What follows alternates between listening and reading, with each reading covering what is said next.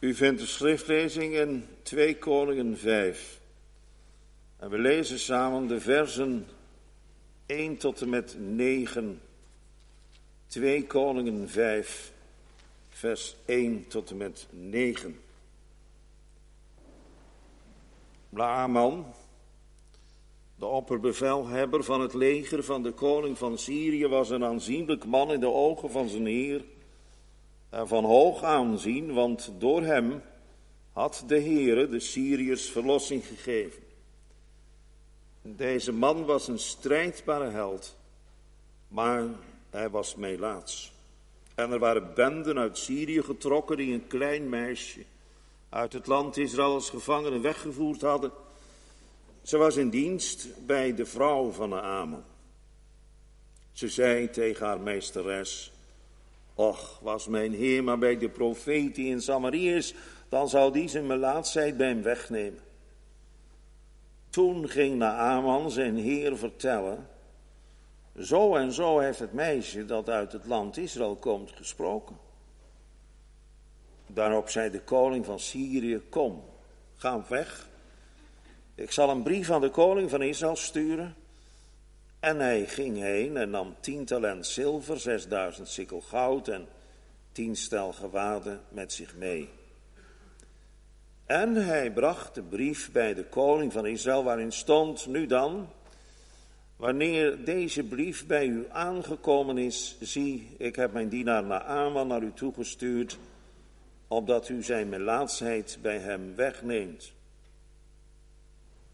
En het gebeurde toen de koning van Israël de brief gelezen had, dat hij zijn kleren scheurde en zei, ben ik dan God om te doden en om leven te maken, dat deze man iemand naar mij toestuurt, om bij een man zijn melaatsheid weg te nemen. Want voorwaar, besef toch en zie, en zie in dat hij een voorwendsel tegen mij zoekt. Maar het gebeurde toen Elisa, de man Gods, hoorde dat de koning van Israël zijn kleren gescheurd had, dat hij een boodschap naar de koning stuurde, waarom hebt u uw kleren gescheurd? Laat hem toch naar mij toe komen, dan zal hij weten dat er een profeet in Israël is. Zo kwam Naaman met zijn paarden en met zijn wagen en hij bleef voor de deur van het huis van Elisa staan. Amen. Hier eindigt de schriftlezing. Het thema voor de prediking van morgen is een klein meisje met een groot geloof. En als kerntekst lees ik u de eerste drie versen en het negende vers. We lezen samen nog de eerste drie versen. Na Aman, de bevelhebber van het leger van de koning van Syrië, was een aanzienlijk man in de ogen van zijn heer en van hoog aanzien, want door hem had de Heer de Syriërs verlossing gegeven. Deze man was een strijdbare held, maar hij was melaats. En er waren benden uit Syrië getrokken die een klein meisje uit het land Israël als gevangene weggevoerd hadden. Ze was in dienst bij de vrouw van de Aman. Zij zei tegen haar meesteres, Och was mijn heer maar bij de profeet die in Samaria is, dan zou die zijn melaatsheid bij hem wegnemen. En dan in vers 9 horen we de uitkomst van dit getuigenis van dit kind. Zo kwam Naaman met zijn paarden en met zijn wagen. En hij bleef voor de deur van het huis van Elisa staan. Tot zover.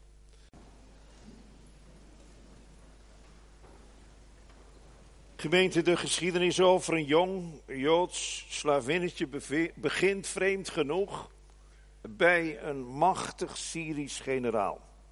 We lezen het in het eerste vers dat hij bevelhebber, opperbevelhebber was van het Syrische leger.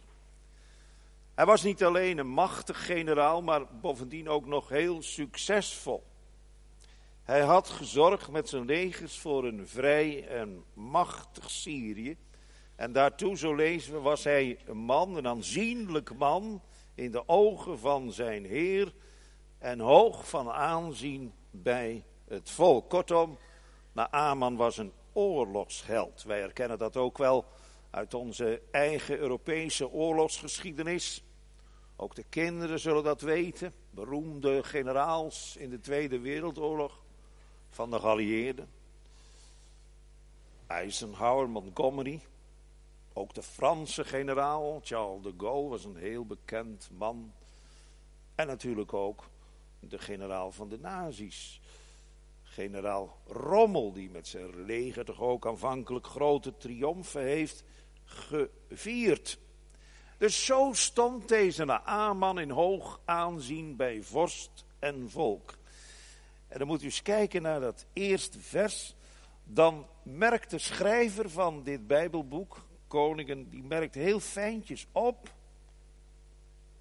Want door hem, dat is dus door Naaman, had de Heere de Syriërs verlossing gegeven. Dat leert ons dus dat bij alle roem die deze machtige Syrische generaal genoot, de Heer, notabene de God van Israël is, die ook de hand heeft in de geschiedenis van dat heidense Syrië. En hier staat het duidelijk niet, Naaman heeft de verlossing gegeven, maar de Heere. Naaman die bleek niet anders te zijn dan een instrument in de handen van de God van Israël. Dus hier blijkt heel duidelijk in 2 Koningen 5, maar niet alleen hier, ook op andere plaatsen in de Bijbel, dat de Heer de hand heeft in de geschiedenis ook van de heidenvolken. Denk eens aan de profetie van Jesaja, die profeteert tegen Egypte, Babel, Assyrië en de Filistijnen. Ezekiel bijvoorbeeld ook tegen Tyrus en Sidon, tegen Egypte en Edom. En dan die hele bekende geschiedenis die we allemaal kennen Jona, de profeet, die van God moest gaan preken in de hoofdstad van Assyrië, Nineveh. Om te dreigen dat als het volk zich niet zou bekeren, het zou worden omgekeerd. Zo zie je hoe God dus heel daadwerkelijk de hand heeft in dat ook wat er gebeurt in de heidenlanden. En dan nog een heel bijzonder aspect, denk ik. Dat de Heer zichzelf ook bemoeit als hij hier door de hand van de Aman verlossing gaf, betekent dat de Heer dus ook de hand heeft gehad in dat wat er op het slagveld gebeurde. En dan denk ik aan die geschiedenis die we allemaal wel kennen, hoe een pijl van een Syriër in de strijd tegen Israël, bij Ramet in Gilead, schiet er een boogschutter in eenvoudigheid staat er, dat betekent zomaar in het wilde weg schiet een pijl af. En we weten het, door die pijl wordt koning Agap getroffen. Dodelijk. En nu zijn er Joodse verklaarders die zelfs zeggen dat deze schutter, die dus zomaar in het wilde weg nog een pijl afschoot, dat dat naar Aman geweest zou zijn. Of dat waar is, dat laten we maar in het midden. Maar het is toch wel aardig om dat even te vermelden. Maar, ook al heeft de Heer dus voor die verlossing gezorgd, zo staat het hier duidelijk, toch zegt die Bijbelschrijver hier nog, tenslotte, dat deze man, dat was Naaman, een strijdbare held was. Dus de schrijver geeft hem ook eer, om zo te zeggen. Nou, als je dit zo allemaal hoort, dan, ja, dan kun je haast geen gelukkiger mens voorstellen als deze geëerde en gevierde, succesvolle generaal. Maar, kijk eens in dat eerste vers. Zo staat het er, maar staat in uw en mijn Bijbel schuin gedrukt. Dat betekent dat er niet staat. Er staat eigenlijk in het Hebreeuws alleen maar melaats. Dus als je het letterlijk leest, staat het er zo. Deze man was een strijdbare held. Melaats. Nou, dan klinken deze woorden als een slag. Als een donderslag. Bij heldere hemel zou ik als zeggen. En dan merkt u wel dat al die hoge kwalificaties die hier aan deze man gegeven worden, aanzienlijk man in de ogen van zijn Heer, en hoog van aanzien, zomaar worden weggevaagd. Zijn hele wereld van rijkdom, van eer en van roem en aanzien en macht stort in elkaar. Nu zich een dodelijke kwaal heeft aangediend in het leven van Naaman. Kennelijk is die ziekte nog in een beginstadium. In vers 11, daar lezen we dat Naaman verwacht dat Elise over de plaats van melaatsheid zou strijken. Dus kennelijk is nog maar op één plaats die ziekte zichtbaar. En wat blijkt ook, dat hij nog niet in strenge afzondering leeft. Dan waren de wetten in Syrië anders dan die in Israël. In Israël was men heel streng in de wetgeving, dat heeft de Heer zelf ingesteld. Zodra de priester constateerde dat er sprake was van melaatsheid, dan moest zo iemand onmiddellijk in totale afzondering gaan leven. Mocht met niemand meer contact hebben. En als dan per ongeluk iemand in de nabijheid van zo'n melaatse zou komen, dan moest hij roepen: onrein, onrein. Met andere woorden, blijf uit mijn buurt, blijf uit mijn buurt. Het is levensgevaarlijk om met mij in contact te komen. En dan moet u weten dat melaatsheid in de Bijbel het beeld is van de zonde.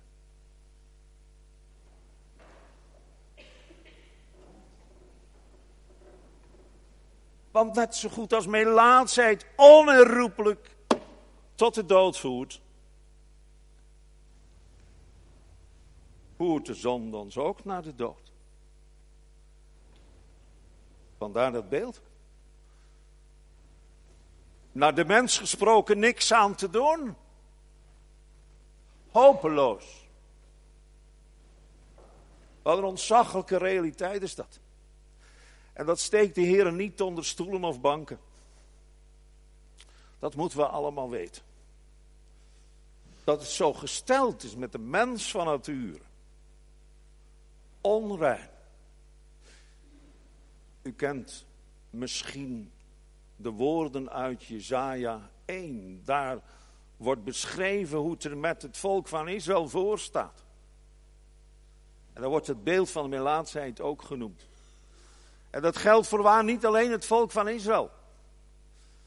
Want het woord van de Heer zegt het als het daarover gaat. Wij allen.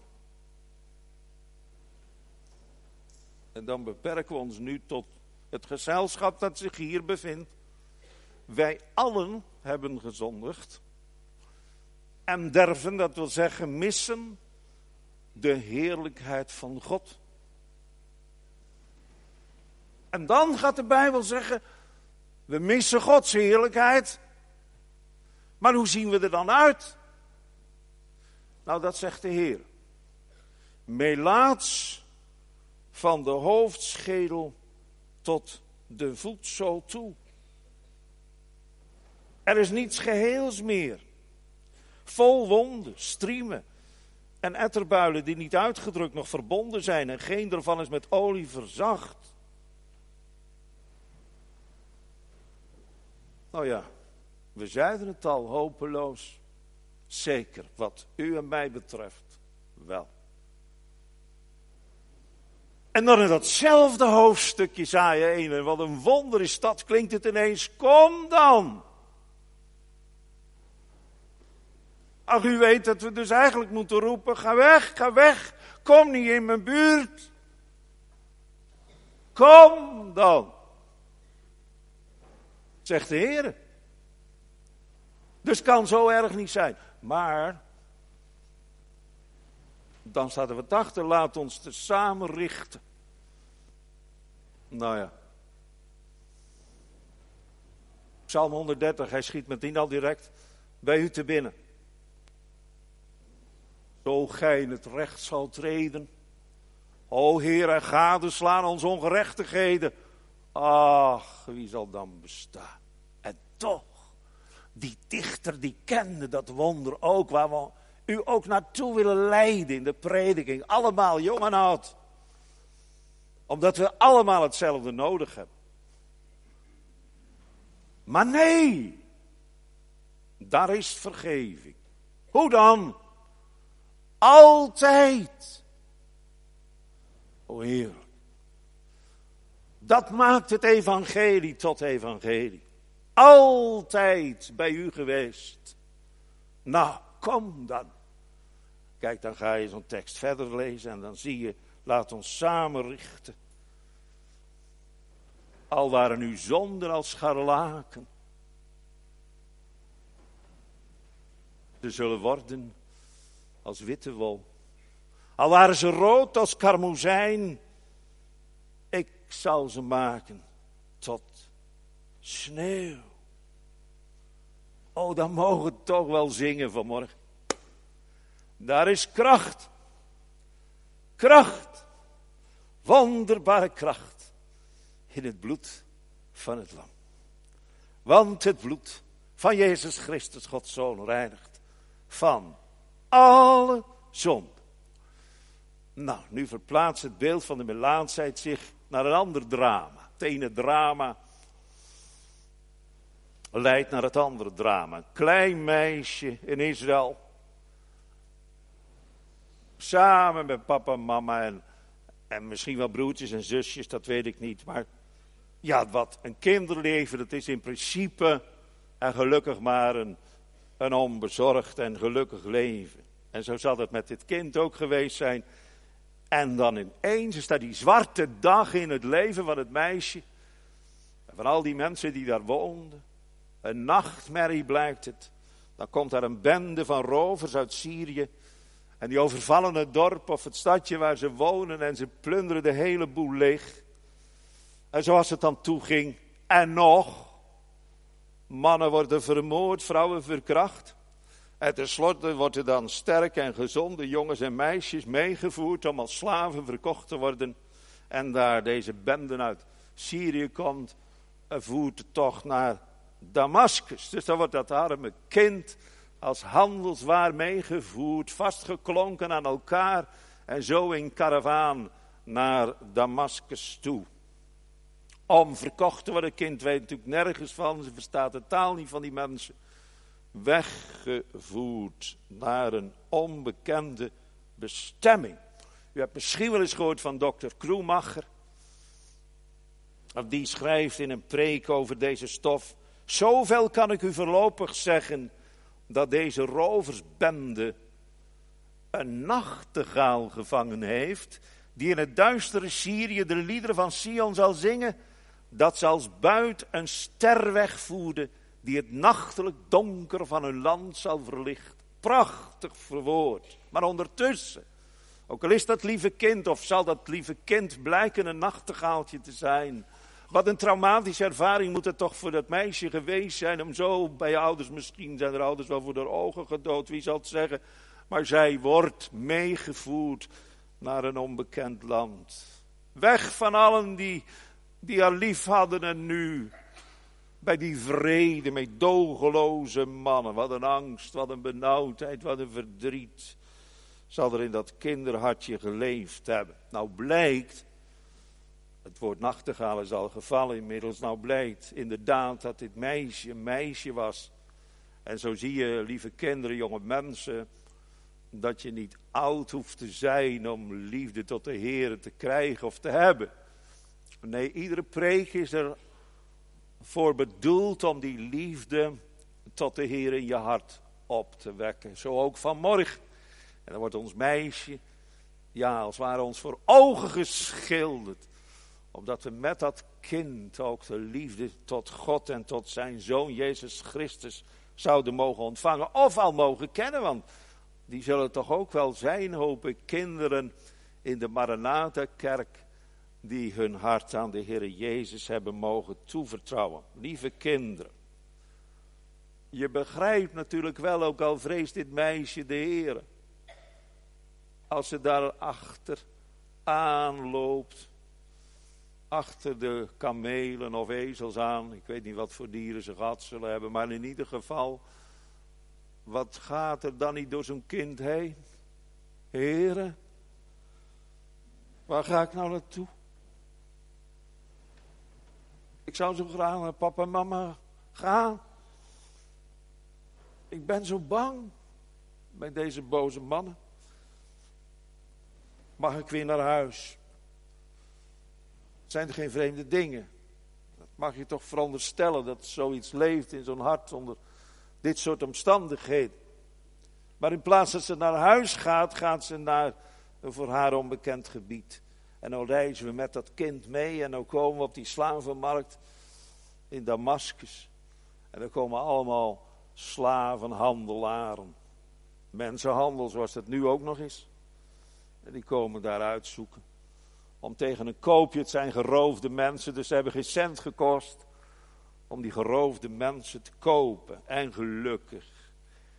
En daar zie je hoe de hand van de Heer ook dit, in dit alles is. De hand van de Heer was niet alleen met Naaman en de oorlogen, maar blijkt nu ook bij hem te zijn nu hij dodelijk ziek is. En dan gaat God zorgen dat daar een slavenhandelaar loopt die dat kind koopt om aan Naaman te verkopen. En zo komt dit meisje dus daar terecht. Kind heeft natuurlijk niet geweten waar ze in terecht kwam. Wat een pracht en praal moet dat niet geweest zijn. Maar ze heeft het al direct in de gaten. Dit gaat niet goed hier.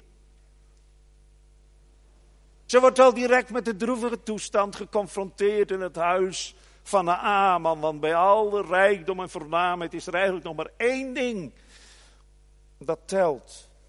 Meneer Naaman is ernstig ziek. Meneer Naaman die loopt met de dood in zijn schoenen. En hoe voor de hand liggend is het nu om te denken dat dat kind denkt, net goed.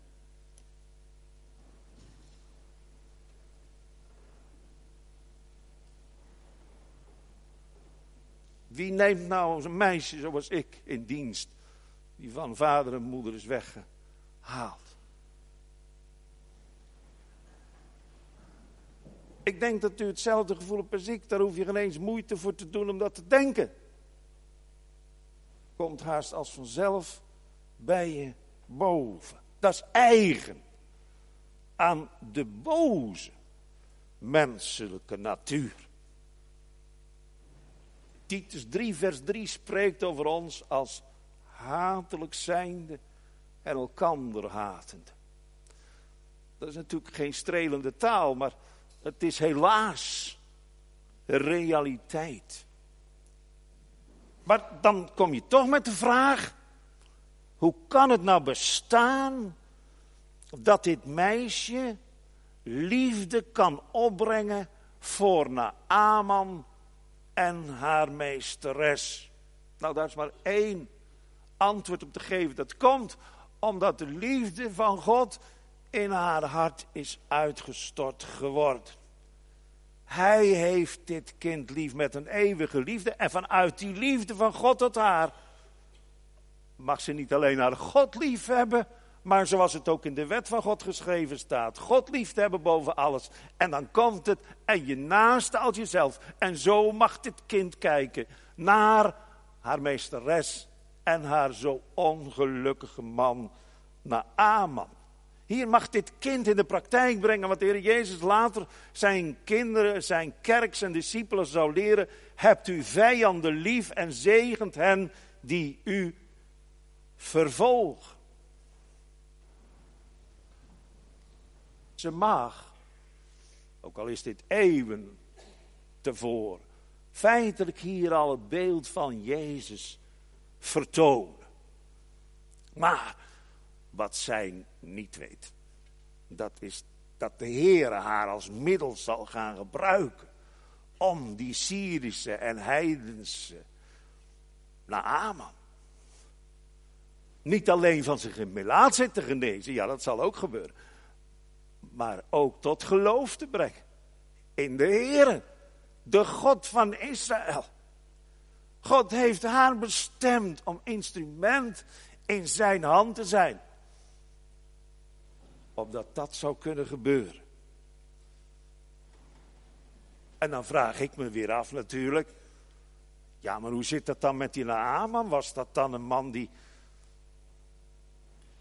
die in de God van Israël geloofde? Geen sprake van. Geen sprake van. Hij was voluit heiden. Hij heeft al die overwinningen die hij haalde toegeschreven aan zijn God, de God van Syrië, de hoofdgod van Syrië, want ze hadden meerdere goden. Maar de hoofdgod van Syrië, de God die ook zorgde voor de overwinning in de oorlog, dat was Rimmon. Straks zal hij ook weer over die God Rimmon gaan spreken. Als die genezen is, want dan maakt hij zich grote zorgen. Want dan weet hij, straks moet ik met mijn koning weer naar de tempel van Rimmon. Hoe moet dat dan?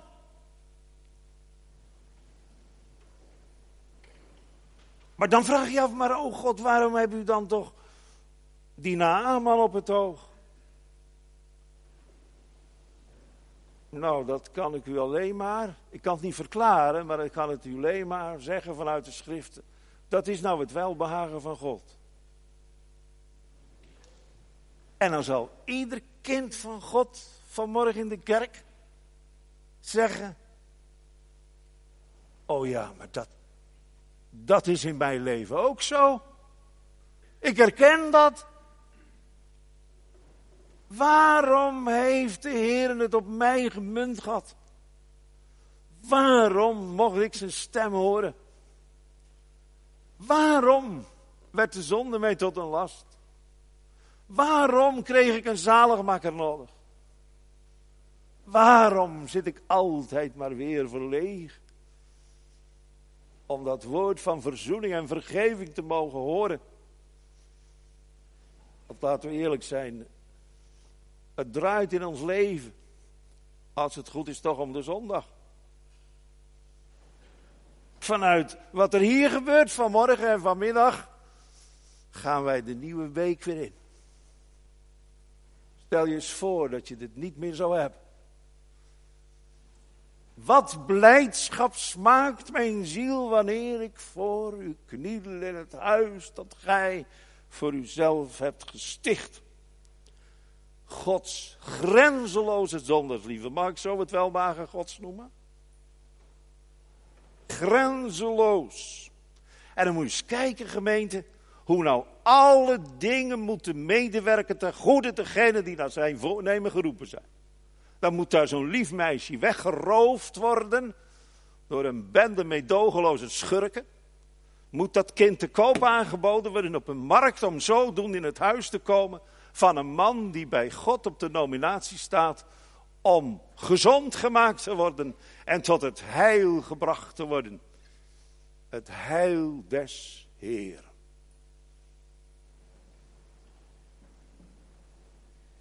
Misschien hebt u dat ook wel eens dat je zo is je leven overdenkt. Dat kunnen van die omstandigheden zijn dat je daar weer eens op gewezen wordt. En dan kom je ook van die merkwaardige dingen tegen. Dan zeg je, o Heer, dat u dat toen zo en zo hebt geleid. Dat zijn soms kruispunten in je leven. En zeg, oh, stel je voor dat u de, daar de andere kant uit had gestuurd. Wat zou er dan van terecht gekomen zijn? Die verwondering. Heilig zijn, o God, uw wegen. Niemand spreekt uw hoogheid tegen. Dan moet dat meisje dit allemaal meemaken. Om ja, als instrument te dienen in Gods hand.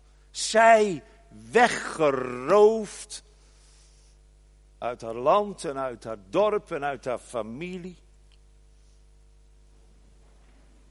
En dan lees ik in Filippenzen 2. Want dat gevoelen zij je nu, terwijl ik ook in Christus Jezus was, die in de gestalte van God zijnde, dus de gedaante van God, geen roof geacht heeft, dan komt dat woord roof, zij is weggeroofd, maar hij was geen roof dat hij God was, dat was geen diefstal, nee hij was het, hij was God, uit God en licht uit licht. En wat gebeurt er dan? Die hoge, heerlijke God komt in zijn zoon Jezus Christus naar deze aarde en in welke gestalte? In de gedaante van een dienstknecht, dat wil zeggen in de gedaante van een slaaf. Dus dat kind wordt tegen haar wil weggerukt uit haar land om slaaf te worden bij de Aman, om zo te dienen tot verlossing van de Aman. Maar hij, oh, hij neemt alle reden uit zichzelf van die hoge hemel te verlaten en in de gestalte van een dienstknecht van een slaaf naar deze aarde te komen, de gestalte van een slaaf aangenomen hebbende, is de mens in alles gelijk geworden, uitgenomen de zonde. En dan zal hij als de leidende dienstknecht des Heren, want zo wordt hij genoemd, nietwaar? Als de man van smarten, geheel vrijwillig, naar het kruis gaan.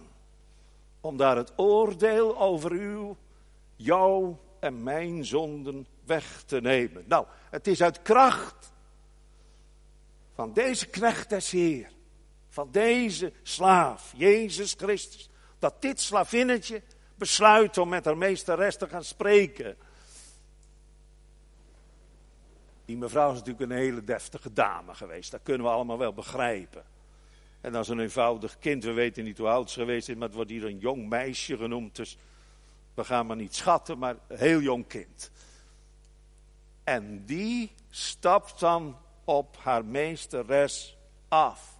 Nou hebben wij nog geen woord uit de mond van dit kind gehoord in deze geschiedenis. Ik heb wat gedacht opgeworpen wat ze gedacht zou kunnen hebben. En wat ze gebeden zou kunnen hebben. Maar goed, dat weten we niet. Maar nu, nu staat het zwart op wit. Dit is het eerste woord dat het kind spreekt. Och! Nou, dat woord spreekt boekdelen niet waar.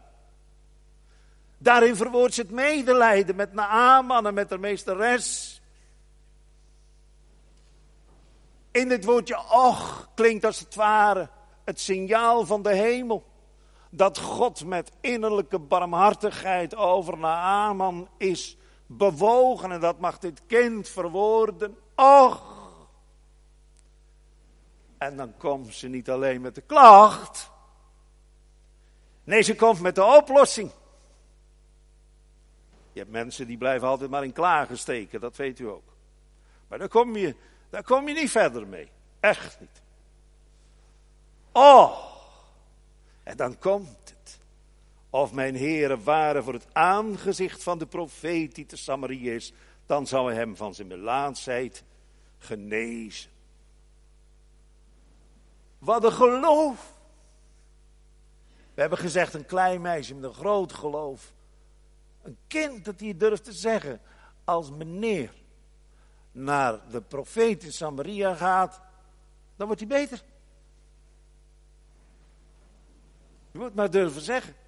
Kijk, je kan wel denken en voor jezelf geloven, maar om dat zomaar uit te spreken tegenover je meesteres.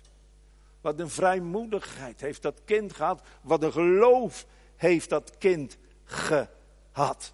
Nou, u kunt er met mij van overtuigd zijn dat die Naaman natuurlijk alle artsen in Syrië heeft afgereisd. Toen hij die rare vlek op zijn lichaam zag. En dan was hij bij al die artsen geweest en niemand kon hem helpen. En dan, dan zegt dit meisje dit tegen haar meesteres. En weet je wat nou zo bijzonder is? Dat die vrouw dat kind onvoorwaardelijk gelooft. En wel zo dat ze direct tegen haar Aman zegt. Nou, Aman, luister eens, joh, dat kind is bij me geweest. Weet je wel, dat pas hier in huis gekomen is. Dat lieve meisje. En die zegt, als jij naar de profeet in Samaria gaat, dat je dan genezen wordt. En dan weer een wonder. Die Naaman die gelooft dat ook direct. En hij weet niet hoe gauw hij bij zijn koning moet komen. En hij zegt tegen de koning. Hij zegt, joh, dat is zo mooi beschreven hier. Hè? Dat, dat, dat is zo natuurlijk geschreven.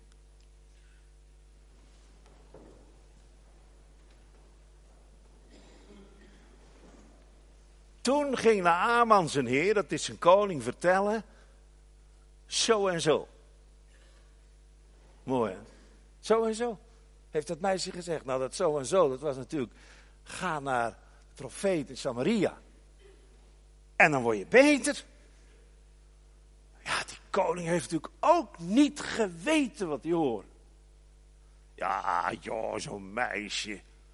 Geloof je toch zeker zo? Nee, al direct. Hij roept zijn scriba, zijn schrijver, zijn secretaris. Hij zegt, joh, Ga zitten. En het volgende ga je opschrijven. Een brief gericht aan de koning van Israël. Nu dan. Dit is de inhoud van de brief, hè? Staat letterlijk in uw Bijbel. Nu dan. Wanneer deze brief bij u aangekomen is, zie ik, heb mijn dienaar naar Aman naar u toegezonden, opdat u zijn melaatsheid bij hem wegneemt. Hoogachtend, de koning van Syrië.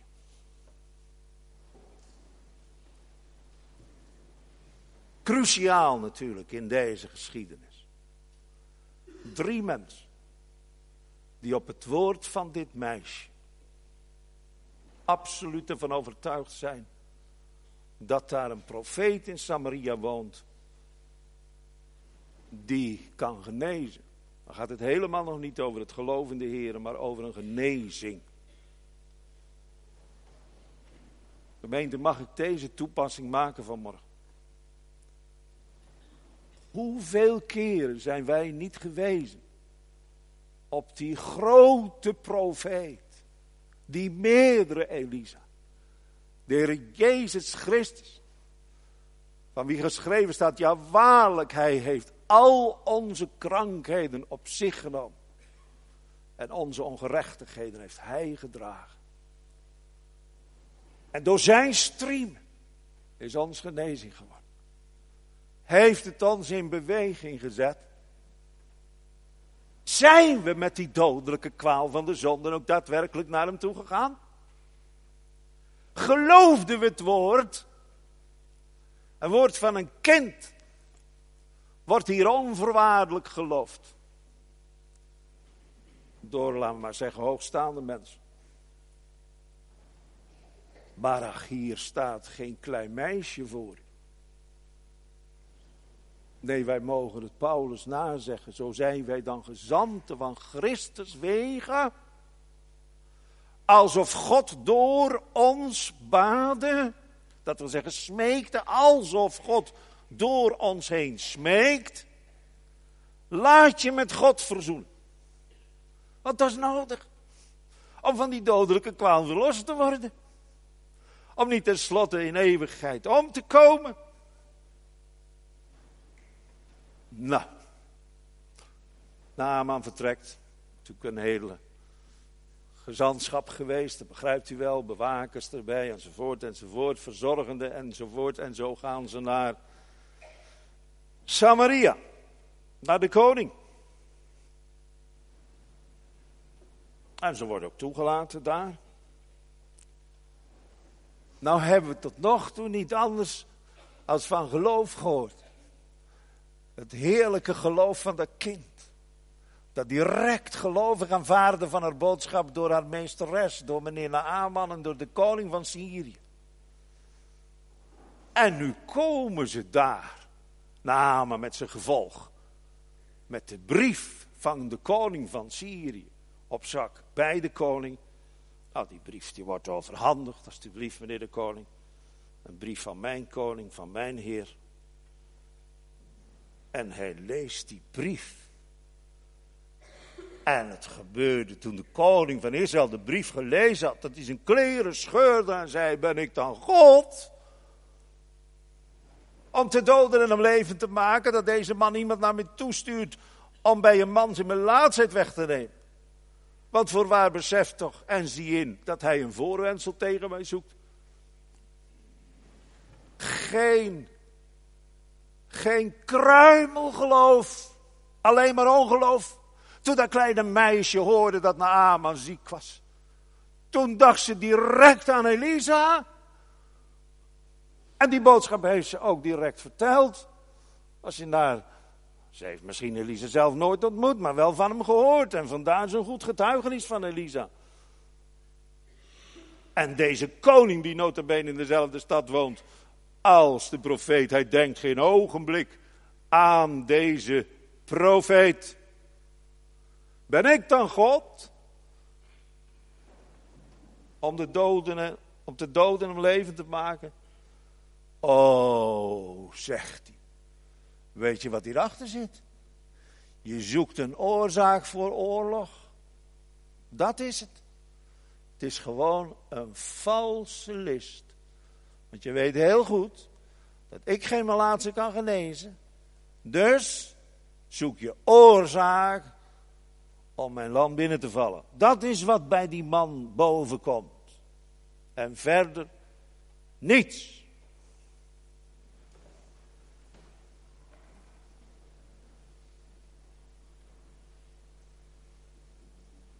Toen ik hiermee bezig was, moest ik denken aan Lucas 4. U kent die geschiedenis. Over de inwoners van Nazareth. Jezus heeft daar gewoond. 30 jaar heeft hij daar gewoond.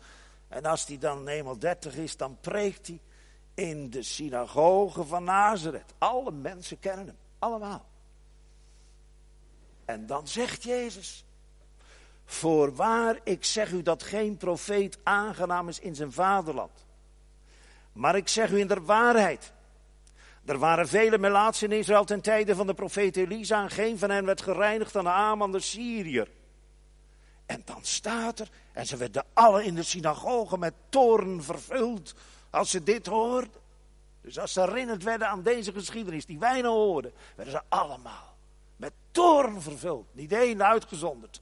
En opstaande wierpen ze buiten de stad en ze leidden hem op de top van de berg op welke hun stad gebouwd was, om hem van de steilte af te werpen. Oh, je krimpt als het ware ineen als je dit hoort. Dat antwoord op de prediking van Jezus. Ach, u begrijpt wel wat dat betekent. Daar geen verandering in komt, dan betekent dat buiten hoop omkomen. Maar dan zie je weer hoe God hier op het kruispunt ingrijpt. Want stel je voor dat naar Aman, ja, gereageerd had naar dat wat die man zegt. Logisch, heftig teleurgesteld, wegwezen, wat zoek ik hier? Dat kind heeft me voor de gek gehouden.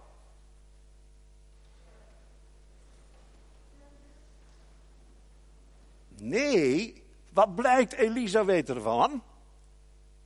Het is gewoon op de hoogte van wat er in dat paleis zich af heeft gespeeld. En die stuurt onmiddellijk een bode naar het paleis. Met de volgende woorden. Maar het gebeurde toen Elisa de man Gods hoorde dat de koning van Israël zijn kleren gescheurd had. Dat hij een boodschap naar de koning stuurde. Waarom hebt u uw kleren gescheurd? Laat het toch naar mij toe komen. Dan zal hij weten dat er een profeet in Israël is. En dat is dan het prachtige. En dat staat dan in het negende vers. Dan gebeurt het toch. Wat de redding zal gaan betekenen voor deze man.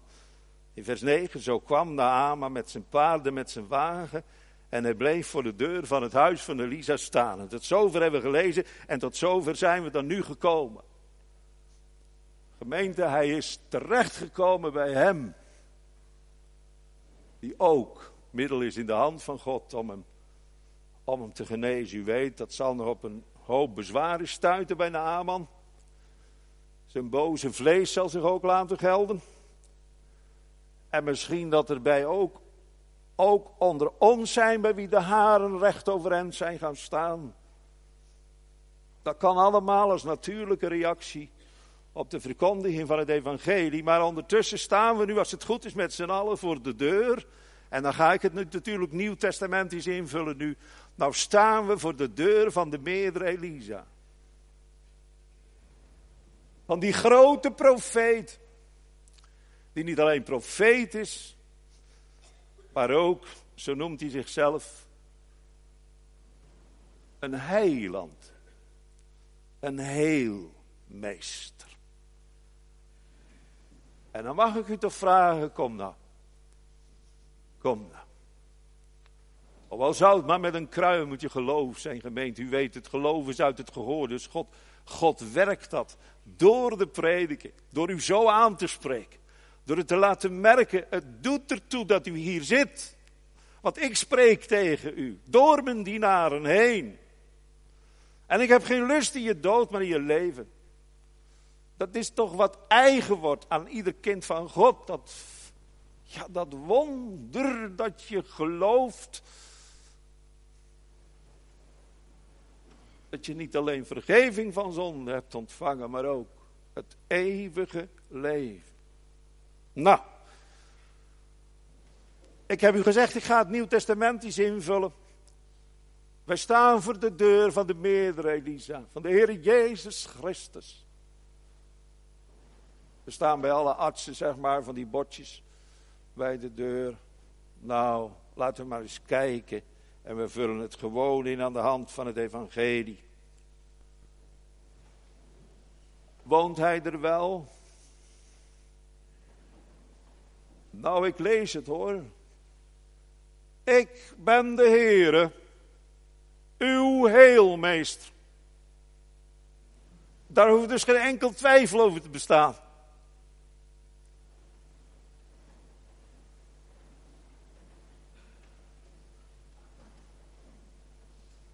Nou, dan is natuurlijk de vraag, ja, maar houdt hij wel spreekuur, hè? Dat is bij ons natuurlijk essentieel, anders sta je daar voor niks voor de deur. Nou, wees niet bang, gemeente. Het is zo onvoorwaardelijk. Wie tot mij komt, en dat betekent letterlijk, wie dat dan ook maar is, wie tot mij komt, zal ik geen zins, letterlijk staat er niet, niet uitwerpen. En u weet het, hè, we waren mee laatst toch? We zien er niet uit. Maar toch. Nou zullen we maar kloppen dan. Dat zegt hij toch zelf. Klopt en u zal worden opengedaan. Nou. Dat dan ook doen. Ik het doen? Voor ons allemaal. Klopt en u zal worden opengedaan. En dan, ja, dan naar zijn belofte, dan gaat die deur niet op een kiertje open van wat staat er nou weer voor de deur. Nee. Ziet, ik heb u een geopende deur gegeven. En niemand kan die sluiten. Hij staat echt te wachten om genadig te zijn, zo zegt Jezaja. En luister nou eens wat hij tegen u zegt. Ik spreek alleen maar de Bijbel na, gemeente. Wat wilt gij dat ik u doen zal?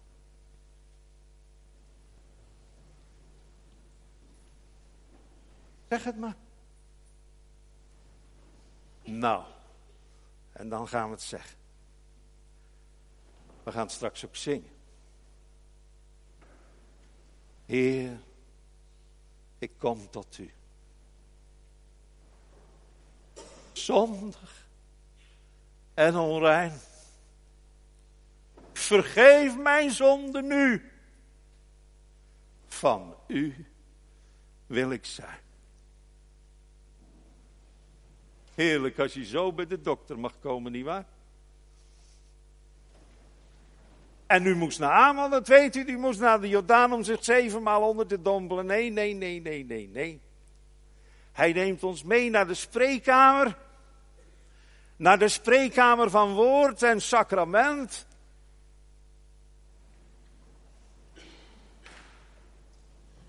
En het vloeit zomaar van zijn lippen. Het bloed van Jezus Christus, Gods Zoon. En dan wijs ik naar het doopvond. Om daarmee aan te geven wat er aan ons voorhoofd is vastgemaakt. Jazeker, het bloed. Het geneesmiddel dragen we al bij ons. Zes weken nadat we geboren waren. Is wat. Is het nooit effectief gebleken in je leven? Het bloed nooit nodig gehad? Nou, dan is het nu zo, toch? En allen die dat bloed hebben nodig gekregen, die mogen het weten. Gij redt mij. Keer op keer. En weer zeg ik het, daar is kracht, kracht, wonderbare kracht in het bloed van het lam. En dan vloeit het zomaar van zijn lippen. gij zijt rein om het woord dat ik tot u gesproken heb. Gelooft gij dat? Ja, Heer. Oh ja, maar ik geloof, Heer.